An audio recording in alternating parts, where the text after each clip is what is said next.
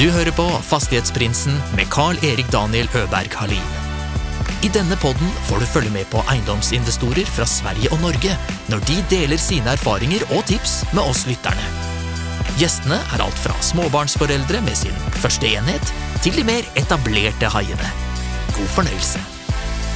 Jag har aldrig varit rädd för att gå in i en eh, affär. Jag är så trygg på min modell att det spelar ingen roll om jag köper ett hus för 130 000. Alltså, jag, jag kan ju bara sätta ut det på marknaden igen och få i alla fall 200 000. Och då kan man tycka, ja men 70 000 är inga pengar. Det är ju inga pengar egentligen. Då har jag i alla fall inte förlorat varken tid eller kapital. Så.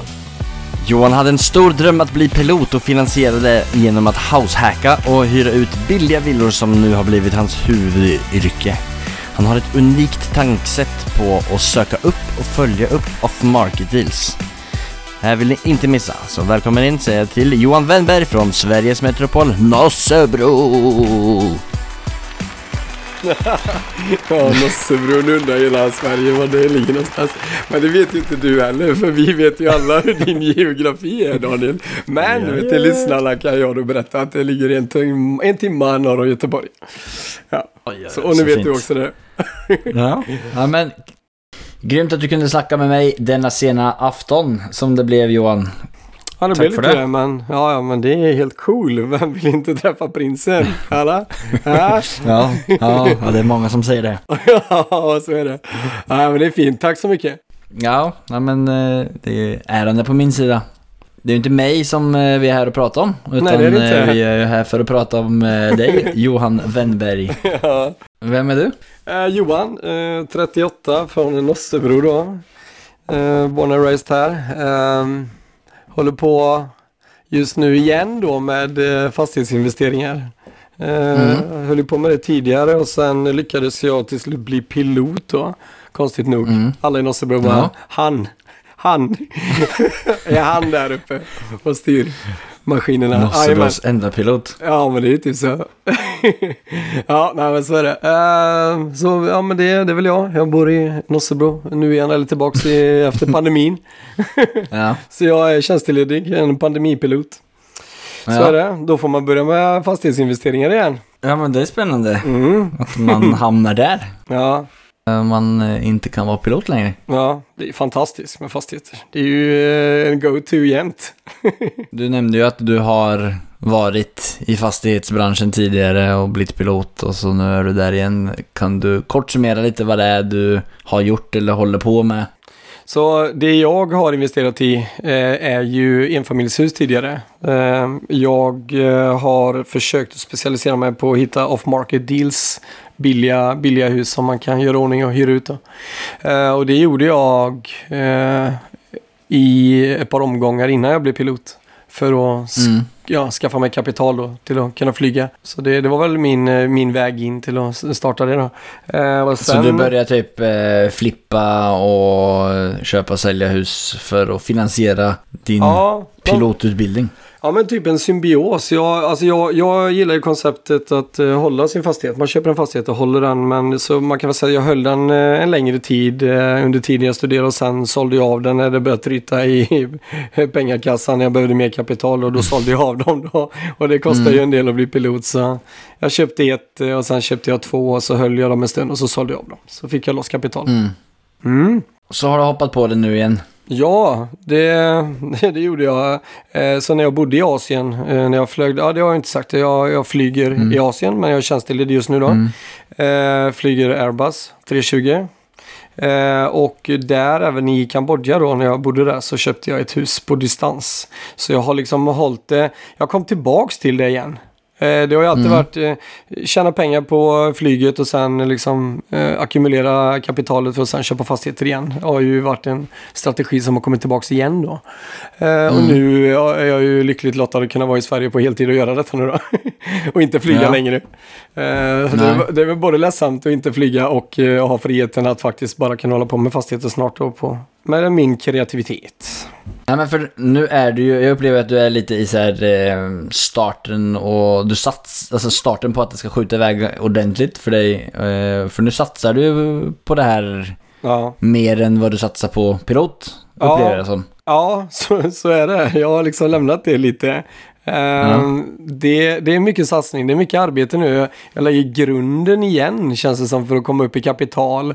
Det, det tar en stund att liksom hitta kontakter och, och alltså deals finns överallt. Men det som har varit mitt problem det är väl just det när man kommer tillbaka till Sverige. Du har inte eh, skattat på många, många år i Sverige. Eh, så det är liksom svårt att komma in i systemet. Min kreditscore är ju i botten liksom. Mm. så, men nu har jag ju, ja, jag har, eh, jag har lagt en fin grund och har eh, arbetat ut ett system för att kunna fortsätta nu eh, med detta igen och det, är- det är fantastiskt kul. Jag är taggad. Kommer du tillbaka till piloten senare eller? Ja, men nu kan jag göra det mer på hobbynivå också. Jag fäller fallskärmshoppare i, i Vårgårda och i Strömstad på sommaren och i Skövde också. Så det gör jag. Eh, Det är kul att flyga fallskärmshoppare. Eh, Då kan, jag, Excellent. då kan jag flyga på skoj och så kan jag hålla på med fastigheter eh, snart och på heltid är förhoppningen. Så du kommer inte tillbaka till Kambodja och flyger det? Utan du håller det till hobby fallskärmshoppning? Ja, jag, jag tror det blir så. Det blir nog faktiskt inte... Det, ass, nej, det, det blir nog inte så. Inte i Asien i alla fall. Hela min, hela min plan gick helt i lås. Jag var i Asien och gjorde mina år och så kom jag tillbaka till Europa. Fick ett eh, nytt kontrakt i Frankrike. Skulle börja flyga i Lyon. Eh, Och klara intervjun och allting. Sen i mars så kraschade ju hela Europa och ja, jag blev av, det, av med den möjligheten. Och så det var ju bara att åka till Sverige igen då. Eh, så jag tror inte, det kommer vara en stor efterfrågan på piloter igen. Det, det kommer det, absolut, eh, tror jag. Men jag tror inte jag kommer sitta i den där burken och flyga passagerare på samma sätt som jag gjorde förut. Nej men det hoppas vi inte. Jag hoppas du fortsätter att köra. Du är ju en eh, extremt kreativ själv. Jag känner ju dig lite grann från förr. Alltså, du bodde ju i Norge en liten period som vi kommer in på lite senare. Så eh, jag har ju fått se din kreativa hjärna operera på nära håll. Och så har vi snackat lite nu efter att vi, efter att jag förstod att du var tillbaka i eh, Skandinavien och att du höll på med fastigheter. Så då Ja. var jag tvungen att Men du fångar mig på, du fångar mig på en bigger pockets eh, koppling där. Ja, jag såg att du var med i Bigger Pockets-gruppen och så på den vägen Mhm. trackade ner dig. Ja, visst, då blir du starstruck. Jag är lite sugen på mig. Mm. Ja, nej, men, och du, du har ju inte gjort så jättemycket än, men du har gjort Nej. väldigt kul grejer Ja. som både jag och jag tror att våra lyssnare kommer att tycka är jäkligt fascinerande och säkert lära sig en hel del av också. Mm. För du kommer ju från Nossebro. Nossebro, ja. ja. och innan du blev pilot så var det där du startade att köpa några fastigheter. ja. Det var ju inte skyskrapan i Nossebro. Det var det köpte, inte. Utan det var ju något annat. Kan inte du berätta, starta lite där och berätta om din, eh, din historia och lite av dina typ av investeringsobjekt som du har varit borta i? Ja, jag köper ju jag köper de, de billigaste till synes man kan hitta på marknaden verkar det som. Men folk blir ju alltid lite förvånade när jag berättar vad köpeskillingen råkar vara. Eh, så jag, nej, nej, men jag, jag trackar ner alltså. Eh, mitt koncept handlar om att leta billiga enfamiljshus, eller det, det var det tidigare i alla fall, eh, off market. Och kontakta personen direkt, ingen inblandning med mäklare överhuvudtaget. Och eh, lägga ett bud och, och se om det accepteras. Så det har ju varit många bud genom åren och det är inte alla som godkänns. Men man får hitta sina liksom, ingångar till folk och se vad de har för behov också och sådär. Så du hoppar på eh, liksom hus som inte har, eh, är ute för försäljning utan Mm. letar upp någonting som du tänker det här eh, vill jag köpa och då Ja. ska jag höra om någon vill sälja. Ja, men jag, jag finner en eh, motiverad eh, säljare som önskar och kanske sitter i någon form av ekonomisk eh, knipa och inte kan liksom själv ta sig an en försäljning. Eller eh, att huset kanske behöver lite extra kärlek och jag ser att det där har inte skötts om väldigt bra. Och eh, bara prata med personen och, och se om den är villig att, att sälja. Eh, och ja, det har gått vägen på, på, på ett par hus. Eh, så, och som du sa tidigare då, det har inte varit så många i starten och sen hade jag ett uppehåll där eh, ett par år när jag studerade och sen var jag i Norge där i fem år och då var det ju inga deals överhuvudtaget. Det kan man ju, kan jag undra ibland varför jag åkte till Norge där men Mm, ja, det undrar jag med. Alltså Ja. för du hade köpt typ två, tre hus först ja. innan du studerade till pilot och Mm. under tiden som du studerade pilot och ägde och hyrde ut dem. Mm, mm. Och sen så drog du till Norge. Ja, exakt. Och, det, det har slagit mig nu på senare tid. Varför fortsatte jag inte med husen. Men jag vet inte, man kommer väl in i en... Eh, ja, alltså jag, jag kunde inte så mycket. Jag, jag kastade mig in i det. Jag löste några bra deals. Jag köpte flerfamiljshus eh, och sålde av det och bara liksom fortsatte. Det, det var liksom pilotandet var liksom det. Sen har jag kommit tillbaka till det igen och tänkt att fasen det där var ju jäkla lukrativt alltså. Och så började jag med det sen igen i Asien. Men där i Norge så, nej men jag tänkte väl att jag får väl ha ett andra ben att stå på. För det är inte helt eh, glasklart att bara för att du har gått en pilotutbildning så får du inget jobb. Eller får du ett jobb menar jag. Så då får man göra lite som, som du också nämnde Daniel när du åkte till Norge. Att du vet ju att allting du gör, det du tar dig an, löser du. Och det, jag har ju samma, jag, jag löser ju allting jag tar mig an känner jag. Och jag åker till Norge, Mm. det här blir bra, det tjänar vi bra pengar. Och så kan jag stiga lite i, i ranken och, och sen kan jag börja flyga sen när jag har ackumulerat kapital som en vanlig arbetare. Var du färdig med pilotutbildning när du Ja. drog till Norge? Ja, jag Ja. var helt klar med, jag hade mina kommersiella licenser och allting, men sen är det ju ett annat steg. Sen ska du ju bli erbjuden ett arbete, men det får du ju inte om du inte har någon erfarenhet. Det är ju hönan Nej. ägget där igen då. Och då får man välja då kanske att eh, flyga in sig på en specifik typ. Man får välja Airbus eller Boeing då, jag valde Airbus. Det är ingen som kommer förstå varför nej, du gjorde det. nej, nej. Du gjorde ju lite semi-househack i alla fall när du bodde i Norge, minns jag. Ja, men det gjorde jag. Du var ju en eh, slumlord. Ja, the, the slumlord. ja, nej, men jag var väl ganska, jag var väl snäll, men jag, jag huserade ju många arbetare i eh, företaget som vi gemensamt Ja. arbetade i, det gjorde jag ju. Ja. ja, jag bodde ju gratis till slut och det var ju fantastiskt i ett dyrt land som Norge. Ja. Eh, Så jag hyrde några lägenheter och hyrde ut rum. Ja, nej, men då, det är ju helt genialiskt ser jag nu, men det tyckte inte jag då. Då Nej. tyckte jag ju bara att, du, att det var lite över det hela. Slumlord. Ja.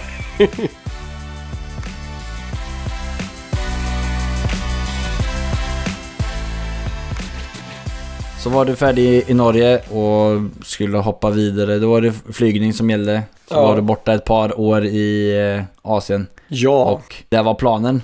Ja. Men så började du köpa några hus när du var där med.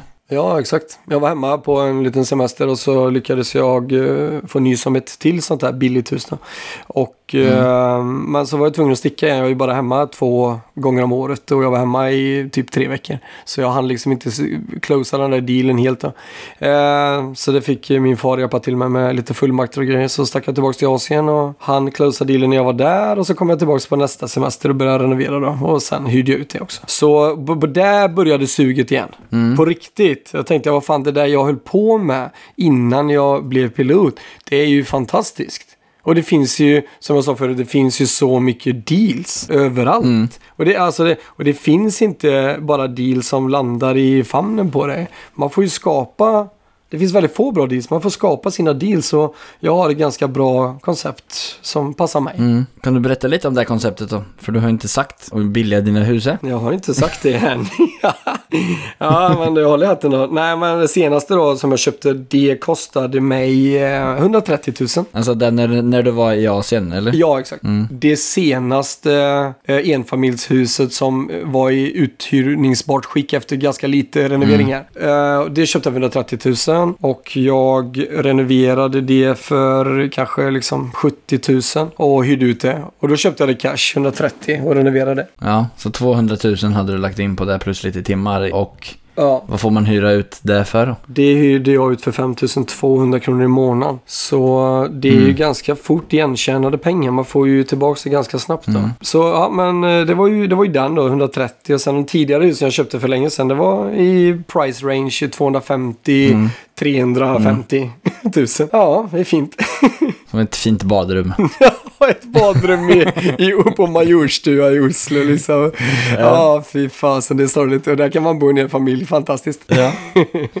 Imponerande tycker jag i alla fall att det finns så billiga hus som man kan tjäna pengar på. Alltså Ja. första gången som jag snackade med Espen Hamre, den eh, moldianska Espen Hamre, eh, från avsnitt nummer 21. Han hade ju några billiga hus tyckte jag då, som kostade, han köpte det för en och en halv miljon och fick hyrt ut det för eh, 4-5 tusen eh, per rum. Mm. Och klara att skapa sex sovrum tror jag i, ett, eh, i en lägenhet för en och en halv miljon som han slängde in några hundratusen i renovering på. Mm. Det är en helt annan eh, liga än eh, han. Ja. Det blir ju ungefär samma, ja, men jag tänker väl det. Det blir väl ungefär samma där, men... eh, mm, bara att du måste samla ganska ganska många fler byggnader för varje rum som han skaffar. Ja, det är ju fler transaktioner och jag tror väl han har väl, det är väl ett bättre koncept. för Jag, alltså jag går ju ifrån egentligen detta med enfamiljshus just nu. Min, Mm. eh, mitt senaste köp var ju en lantbruksfastighet på Mm. 21 hektar helt plötsligt med 10 hektar skog och grejer. Så det är ju något helt annat då. Men eh, Ja, men din kreativa sida kommer fram där i alla fall. ja, ja men det, det får jag nog klappa mig själv på axeln lite på. Ja, Mm. det är jag nog ganska bra på. Nu har du ju ändå som skapat en, en ganska god,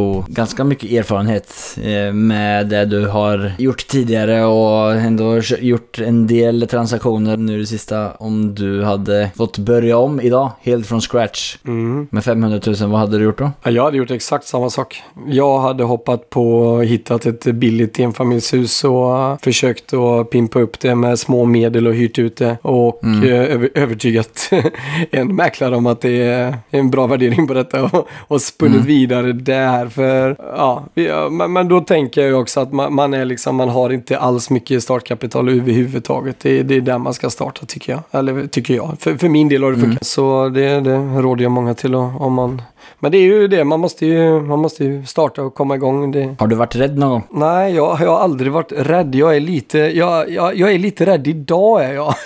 idag, just, alltså just idag som vi sitter här och spelar in Okej. detta. För idag håller jag på med en väldigt tight deal och den håller på och tiden håller på att rinna ut. Så jag är inte rädd, jag är mer nervös att jag ska losa den för den är fantastiskt bra. Eh, men jag har nog aldrig varit rädd för att gå in i en eh, affär. Det, det är jag inte. Jag är så trygg Nej. på min modell att det spelar ingen roll om jag inte får, alltså om jag köper ett hus för 130 000. Alltså jag, jag kan ju bara sätta ut det på marknaden igen och få i alla fall 200 000. Så jag liksom, och då kan man tycka, ja men 70 000 är inga pengar. Det är ju inga pengar egentligen. Men då har jag i alla fall inte förlorat varken tid eller kapital. Så, eh, så jag är väldigt trygg i det och jag har ju aldrig betalat för mycket pengar för några av mina hus jag har köpt. Så. Nej. Kan du berätta lite om hur du ni går, till, går tillväga då när du har approachat folk som inte har sitt hus ute för försäljning? Har du några tips? Ja, jag tycker det var jäkligt fint det här med eh, Christian där i Hacka ditt liv-podden du hade. Han sa ju något jäkla bra tyckte jag där med att jag är ingen säljare. Nej men då kanske du skulle bli det då. sa han. Jag bara, ja, det, det, det är det jag tänker också. Det är bra tips liksom. Jag har slipat mer på mina liksom, mina skills att hantera folk. Och det är så viktigt. Och, och liksom bygga någon form av relation med personen du önskar att köpa en bra deal med. För alltså, är du en dick liksom, du, du, du får ju inte, du får ju inte komma och sätta dig vid bordet liksom. Så Nej. det är väl en bra grej. Försök att lära känna individen. Vad, vad, är det de, vad är det de behöver för att det ska bli en bra deal som går bägge vägar? Som du var inne på tidigare, liksom om de har någon ja, ekonomisk situation är Ja. ju väldigt är tydligt. Och om du kan eh, på något sätt Mm. finna ut av en bra lösning för dem. Mm. De kanske inte vill lämna sitt hus då? Alltså- De vill oftast, eller många, många vill inte det. De, liksom, de klamrar Nej. sig fast i, det är det sista de känner att det är deras enda säkerhet. Och det menar jag inte säkerhet i form av inteckningar utan trygghet menar jag.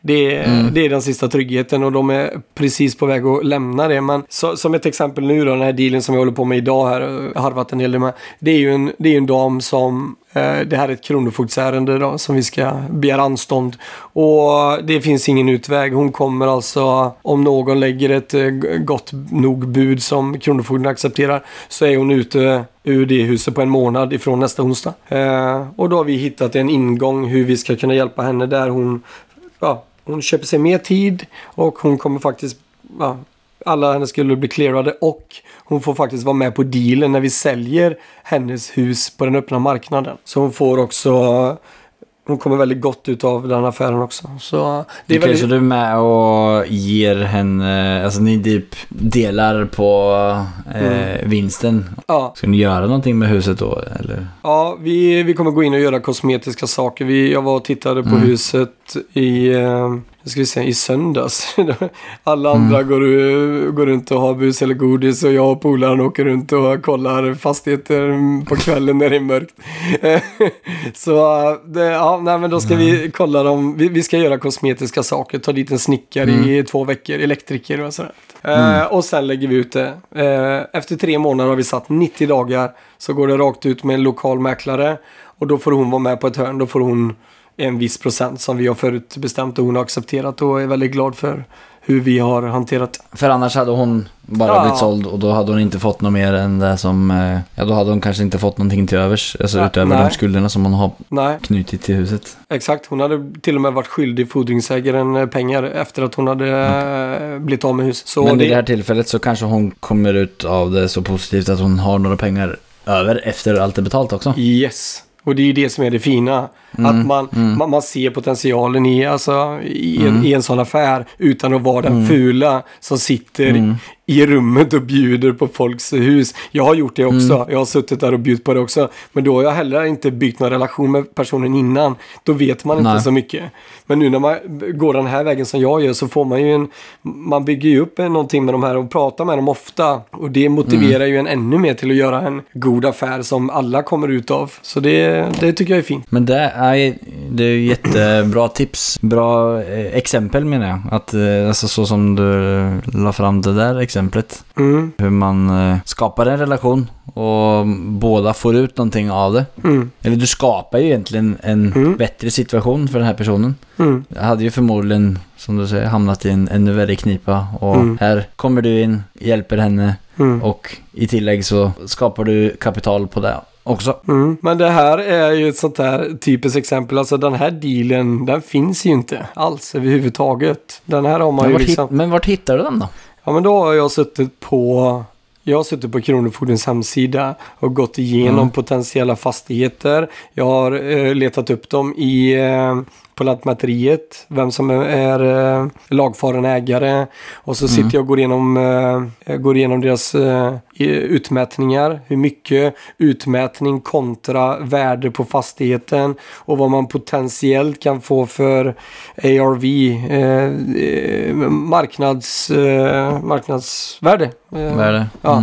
Mm. Och då får man ju... Alltså efter man har renoverat det lite. Mm. Ja, exakt. Och då får man ju se då, finns det någonting att göra här eh, för personen och för, för mig själv och, och vinna någonting i den här fastigheten. Och är det så så är det bara att köra, då, då börjar eh, samtalen. Och det är många samtal alltså. Det är folk som säger att de vill inte veta av mig och sådär. Men man går ju in med... Nej. Man, man, vill- man vill ju dem väl, men äh, folk är skeptiska. Det, det är ju det är ju svår situation de sitter i liksom. Så, ja. Ja, men jäkligt intressant. Mm. Måste jag säga. Men nu har ju din resa börjat igen. Mm. Och du gasar på. Yes. Men Du kommer ju tillbaks från Asien. Du har liksom inget track record. Du har inte varit här de sista 8-9 åren eller något sånt. Och Mm. måste egentligen bygga upp din eh, kreditrating och allting. Så hur gör man det? Ja, Eh, jag har ju fått eh, gå en, ja den, det är den hårda vägen om man inte har så jättemycket kontakter heller hemma. För jag har ju, man tappar ju alltså när man flyttar ut och bor utomlands i många år. Det räckte ju att flytta till Norge i fem år och sen vidare till Asien i tre år. Liksom. Man tappar ju mycket eh, kontakter på, i Sverige. Eh, så jag har ju kommit hem då, var väl lite naiv och startade mitt eh, bygg och fastighetsbolag och tänkte att ja, men det kan jag ju anställa mig själv i och så kan jag ju fakturera kunder och så kan ju det ligga till grund för en eh, kreditvärdighet hos en bank då. Eh, Men eh, det accepterades inte direkt för att bolaget var alldeles för ungt då.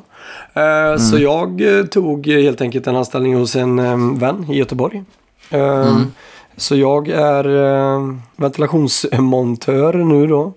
Eh, Samtidigt så jag, jag, kör, jag, kör, jag kör där och när jag har tid över så fokuserar jag 100% på eh, deals och ringa runt eh, till folk och, och skaffa kapital. Och, så, jag, har ju, jag har ju den här situationen. Det, ju- det finns ju mer deal än vad jag, deals än vad jag har eh, kapital. Men det är svårt också det här. Det är ju ett, det är ju ett jäkla pitchande Daniel, eller hur?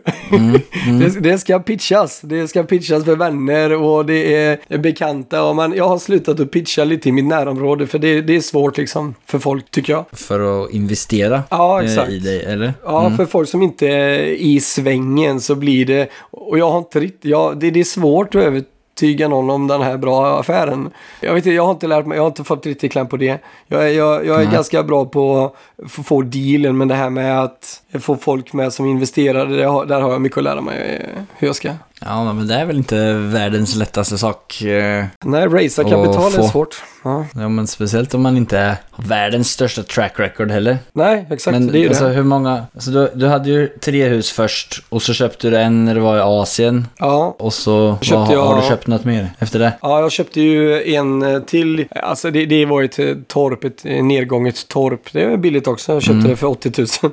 Men eh, 6 000 kvadratmeter eh, trädgård och sådär. Och, men det, det, det är mer ett eh, hobbyprojekt nu som jag kan tänka mig faktiskt att äga själv i framtiden och bo där på. Eller ha som min egen adress någon gång i framtiden kanske. Eh, och så köpte jag den här lantbruksfastigheten då. Så det är ju de här, men de här är liksom, den har inte genererat några pengar den här, eh, det här torpet och den här lantbruksfastigheten är så färsk nu så att folk vet inte om det riktigt än. Och, eh, det, det är inget track record förrän man kan påvisa att man har en ekonomi där pengarna tickar in. Så just nu så, så ty- tycker folk det ser ut som att jag, jag köper väldigt mycket saker hit och dit och pratar om fastigheter hit och dit. Och, men det är ju, det, det, det har ju sin gång. Det är, man, man köper inte ett hus bara på, ah, alltså det, du ska ju gå igenom många fastigheter för att du ska landa i en bra liksom. Det, det är mycket snack och lite bandy kan man tycka ibland men äh, jävlar vad jag spelar bandy.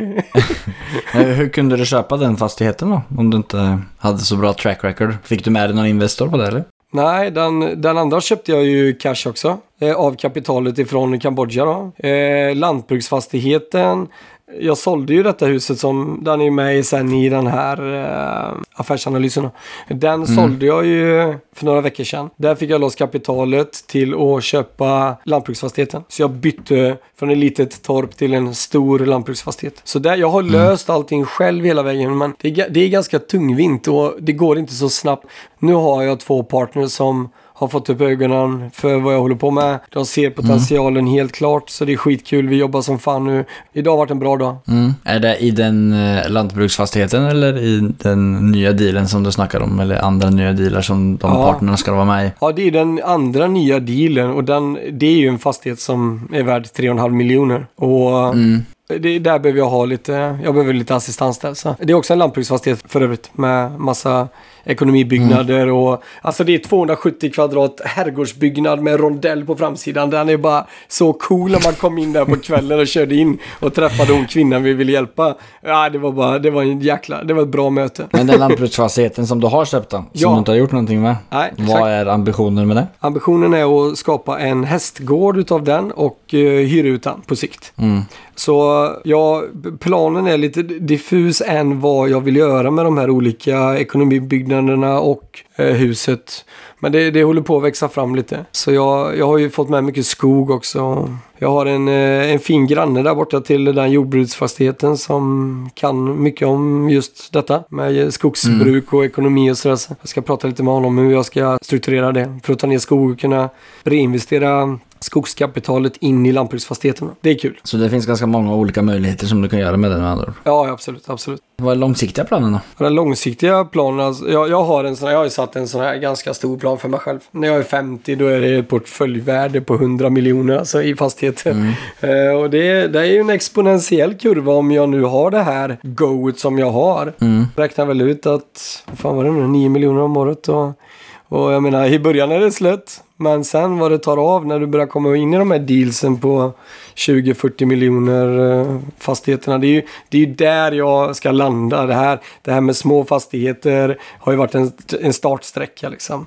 Och nu Ja, börjar men du, har ju, du har ju fått dem ackumulerat för, så Ja. att du kunde köpa den här sista fastigheten som du typ äger helt, eller? Ja, exakt. Den äger jag helt. Ja, Mm. ja, ja du gör det. Okej. Ja. Ja. så, så det, har ju, det har ju funkat fram till nu. Ja, absolut. Så gör du det, den här dealen en gång till, Mhm. gör färdigt den, och så är det ju Mm. Trippelt så stort. Och då Mm. har du förmodligen skaffat ett litet track record så du kan få till ett lån på det också. Så har du ett bra säck med egenkapital. Så det Ja. är väldigt Mm. spännande att se vad du ska få gjort med den här hästgården Mm. Johan. ja, men det blir kul. Är en märklig, eller en märklig var fel ord, det var annorlunda investering som är jävligt spännande. Alltså, men det är ju det. Det är så Ja. kul att se vad alla olika sätt som man kan Ja. finna på sätt att tjäna pengar på inom Ja. fastigheter. Ja, ja, ja, speciellt visst. dina kreativa sätt att hitta dem, och inte minst. Ja, Samtidigt ja, som man hjälper dem. Ja, men det är, och har man en sånt eh, overflow av kreativitet ibland som man inte vet vad fan man ska ta vägen, då är ju fastigheter fantastiskt bra att bara dyka rakt in. Och det finns ju så mycket att lära sig.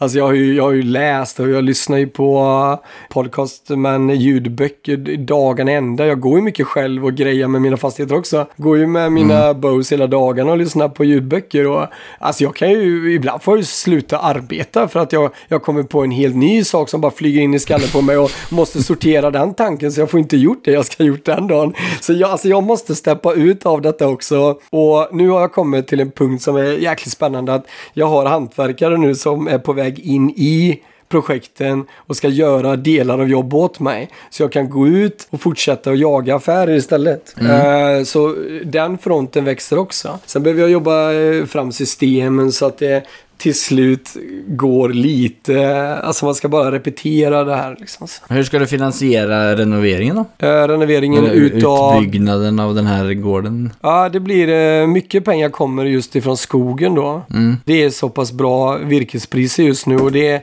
det är en väldigt bra skog. Och Okej. jag har haft ute en eh, värdering. Så kul. Ja, det är, det är fantastiskt alltså. Hur mycket pengar får du för den skogen då? Alltså om du ska göra någonting med den? Alltså är det att skövla den liksom eller vad är det Ja. man gör med den? Ja, man, man gör ju en skogsbruksplan kallas det. Man tar dit Mm. en man som går och är skogsmästare och tittar över skogen och räknar hur gammal han är och sådär. Och så ger han Mm. då ett virkesförråd får du ut då. Och detta Mm. virkesförrådet kan du då räkna om i, eh, i netto, eh, en nettopeng då. Då brukar man, det är lite olika men ungefär har jag Ja. hört 430, 430 kronor kubiken så det är ungefär ja, 800-900 tusen netto. Efter skatt. Som du får för den skogen? Ja, så efter Hur mycket avverkning. kostade hela liksom, fastigheten och allting som du köpte? Jag köpte den för 1,3 miljoner. Då måste jag betala ner 25% i eget kapital. Så Mm. vad blir det ja, kvar? Ja, slå av, eh, räkna 75%. Alltså skogen täcker alltså köpet. Så det enda jag ligger inne med är bara mitt eget kapital. Som jag fick ifrån tidigare husförsäljning. Så jag är egentligen noll in i huset. Det här är, alltså jag, än en gång då, Anka ditt liv, Infinity-pengar, eh, lantbruk från himlen. Som bara trillat ner i knät på mig. Nej men det har det ju inte. Det har inte trillat ner i knät. För jag har mitt system för hur jag ska komma åt sådana här fastigheter. Jag måste säga, det där är ju ett eh, jäkligt bra exempel på att hitta värdet i en tomt. Alltså vissa finner en källare som man kan göra om. Mm. Någon hittar, eh, man kan ta ut några fönster och så att det blir lite fler rum. Med, man kan bygga en till lägenhet i ett, ett hus och du hittar lite Mm. skog som du kan göra. Och så är det massa andra kul grejer. Ja men riktigt kul. Johan, det är jäkligt spännande Mm. och vi kan sitta och prata massa om alla dina kul grejer som eh, du hittar på. Men tiden springer iväg oss så vi må hoppa vidare till affärsanalysen.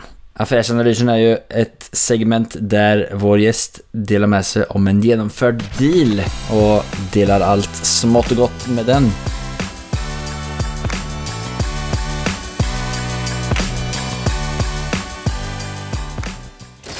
It has not been easy for me. And, you know, I, I started off in Brooklyn. My father gave me a small loan of a million dollars.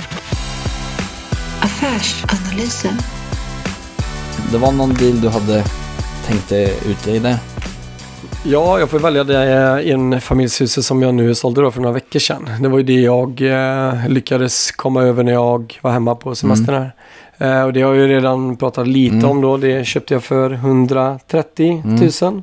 Ligger inte så långt Det ifrån är min... SEK vi eh, snackar. Det är inte öst eller Sek. E. Eller bitcoins.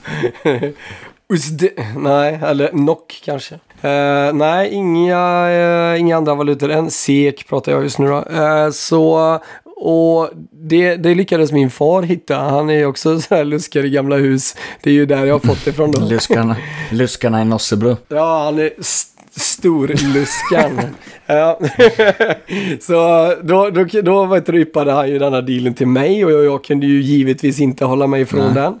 Så jag eh, tog över stafettpinnen där för han, eh, han frågade, det var någon annan som egentligen skulle få köpa det av den personen som sålde det då. Men de tackade nej för det var för mycket. Och det här är också värt att nämna. De här billiga husen, de kommer ju med en viss form av problematik. Men man får ju gilla den här problematiken för man gillar ju hur mycket pengar det ligger bakom att tömma någons hem liksom. Det är stappfullt i huset.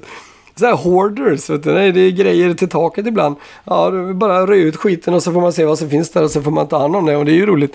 Och om man kan tjäna bra pengar. Så det gjorde jag. Eh, Jag fick, eh, fick nys om vem det var som ägde det. Kontaktade, la ett bud, blev accepterad på 130 000. Eh, renoverade det för eh, 70 ungefär så jag låg inne med 200 där. Mm. Sen sålde jag det tre år senare. För 950 000. Ganska bra, Ganska ganska bra. bra. profit där. Så den är jag ganska nöjd med och det funkar. Det är ett, eh, och så säger folk bara varför köper du den där skiten för som bara står där och är missunnsamma är folk i regel på en liten ort. Eh, ja du, varför köper jag den skiten? Jag gillar inte bara att tjäna pengar, jag gillar att ha den här friheten av tid. Det är den jag köper. Så det är fantastiskt. Jag skulle göra, kunna göra en flipp om året för att köpa mig tid. Eller jag bakar egentligen in mitt egna arbete i en del deals för att kunna inte ha dåligt samvete att jag inte går till jobbet. Folk ser mig åka runt i min bil här och bara jobbar han aldrig eller? Fast det, det gör jag nu då när jag är i Göteborg och harvar. Lilleluskan, det är jag då. Ja, nej men så det var, den var, var jag nöjd med. riktigt bra. Ja, men då förstår jag att man Mm. eh, letar efter de där eh, 130 000 kronors husen eh, i Nossebro. Mm. När jag ändå håller på att narra dig om Nossebro, kan du berätta något kul om Nossebro? Ja. Vad gör man i Nossebro? Ja, Nossebro, vi har ju, det här är sjukt, men vi har världens största sax. jag vet inte varför inte, men det, jag tror det har något med någon, vi, vi hade ju en fabrik här som gjorde mycket eh, göt för oss. sådär. Men- Så jag vet inte, vi har världens största sax, den står mitt på torget. Förstår inte varför. Men alla sådana här småsamhällen har ju någonting som är lite sådär unikt. Nu råkar vi ha en Ja, sax. om det är någon som vet så får ni gärna höra av er till Fastighetsprinsen. Ja. Vi går vidare i alla fall nu. Vi eh, segwayar oss vidare till fyra frågor. Vårt nästa segment som består av eh, fyra frågor och det är de samma fyra frågorna som vi ställer våran gäst.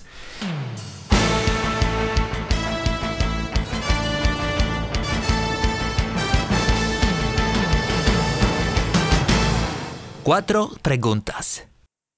Och den första frågan är Vad är det som skiljer från en framgångsrik entreprenör mot det som inte lyckas, slutar eller aldrig kommer igång? Mm.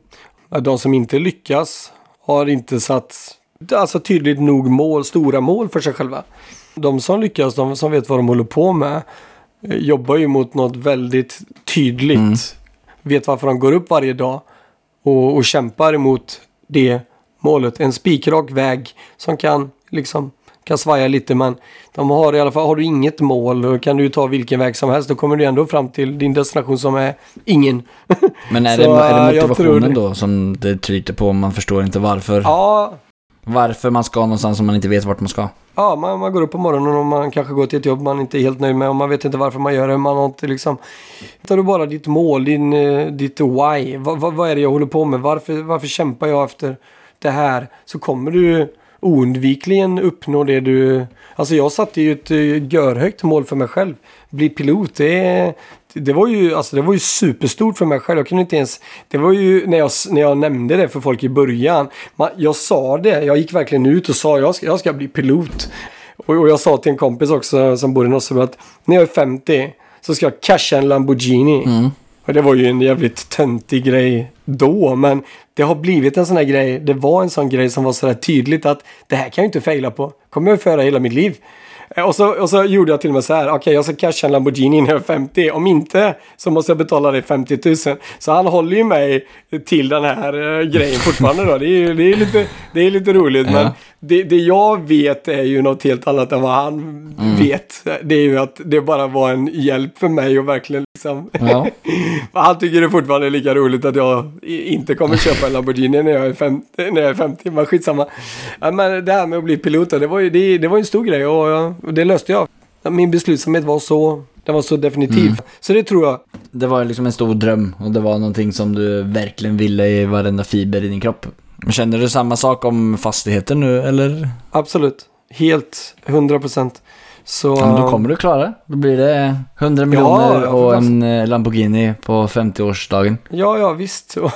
Jag ska nog till och med komma i Lamborghini och åka förbi polaren och ge han 50 000 ändå bara för på skoj. Bara, äh. Yo, yo, yo.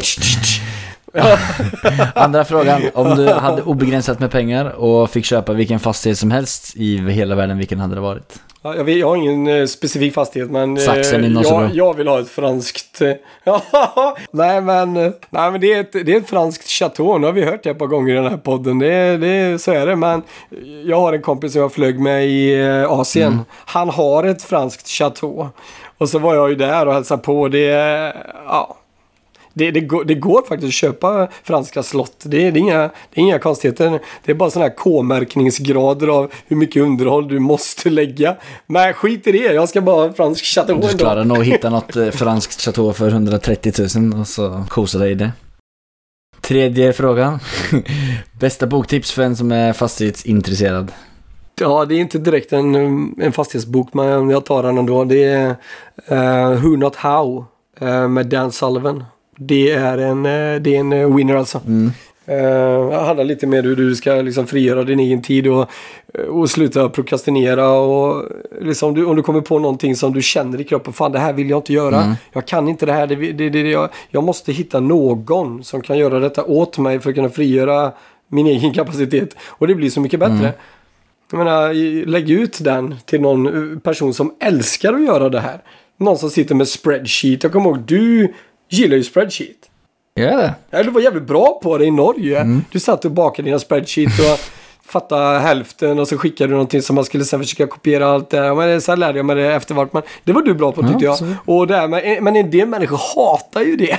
Som du var bra på då tyckte Mm. Ja. jag. Och då, då, ska man, då ska man bara skicka av det till någon. Och det, det drog ju du en parallell också om. V, eh, något avsnitt. Att du kunde inte förstå hur den här människan gillar att göra Nej. det här.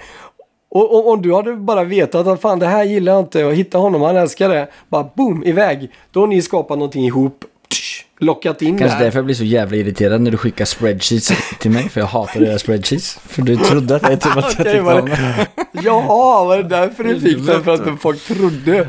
Ja. Ja men bra, den där ska jag läsa. Den har jag faktiskt inte hört tidigare, så den skriver jag ner här. Det blir spännande.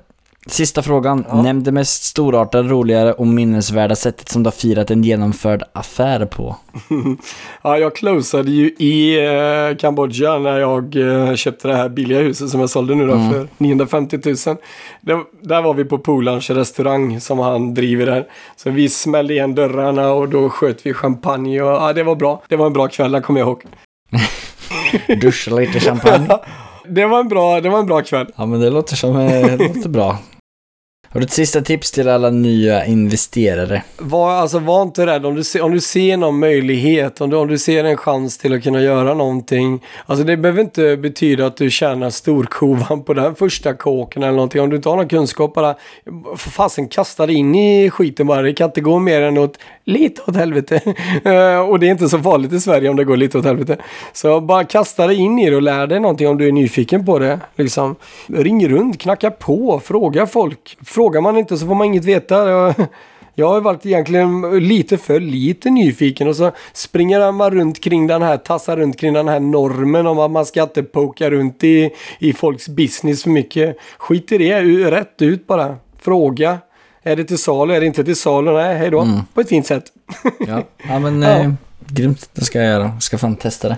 Innan vi rundar av helt, är det någon speciell deals eller någon speciell person som du gärna hade velat komma i kontakt med? Vi skulle kunna se om det är, nu är det ju lyssnare i den här podcasten som är intresserade i, i det vi håller på med här, men eh, skulle det vara folk som känner också att de liksom det här, jag bärgar inte någonting, det är någonting jag sliter med ekonomiskt eller det har ett hus som kanske bara, nej, vi kan ingå en deal ihop och hjälpa mig att sälja det och försöka skapa ett värde i huset för att få ut det kanske. Eh, folk som är intresserade av att kanske investera i fastigheter när jag har mina system på plats, jag kan presentera ett eh, ett, ett bra upplägg som är nyfikna på att tjäna pengar. De kanske inte har dealen men de sitter på kapital och vet inte vad de ska göra kan ju få lära sig om mig när jag ändå gör dem. Mm. Så egentligen alla som är intresserade och som vill få, får gärna ta kontakt med dig med andra ord. Kom igen, alla ska med, nu Ja. kör vi. Nej men, eh, jo men lite så. Det är väl ingen specifik person egentligen. Det är, det är alltid kul om folk eh, uppskattar det man gör och sådär. Så välkommen att kontakta mig. Ska vi se, nu har ju Daniel fått mig då, Fastighetsprinsen, att starta mitt första Instagramkonto efter... Jag ser ju potentialen i det men jag har inte riktigt eh, varit där igen. Det är jag är lite blyg fortfarande men flygande investeringar finns jag på. Jag är ganska besviken att det inte var kungen av Nos- Nossebro. Flygande investeringar. Det länkar vi till i eh, beskrivningen också.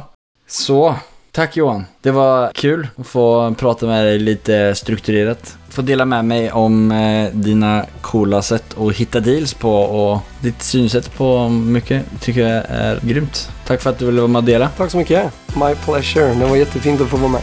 Och du Daniel, ha det! Jag tycker det var ett kul och tydligt sätt Johan förklarade hur han går tillväga för att motivera en säljare att sälja till honom. Samtidigt som han förbättrar situationen för en som kan ha hamnat lite fel. Att försöka hitta den vinklingen tilltalar mig verkligen, när det blir en win-win. Tänk att man kan tjäna pengar på hus för 100 000 kronor. Riktigt kul saker man lär sig här genom att snacka med spännande folk. När du nu har lyssnat färdigt får du jättegärna gå in och ge mig en rating på din podcastplattform. Det hade jag verkligen satt pris på. Nu är det tid för mig att skaffa en ny frisyr med saxen i Nossebro. Ha det igen. Mm.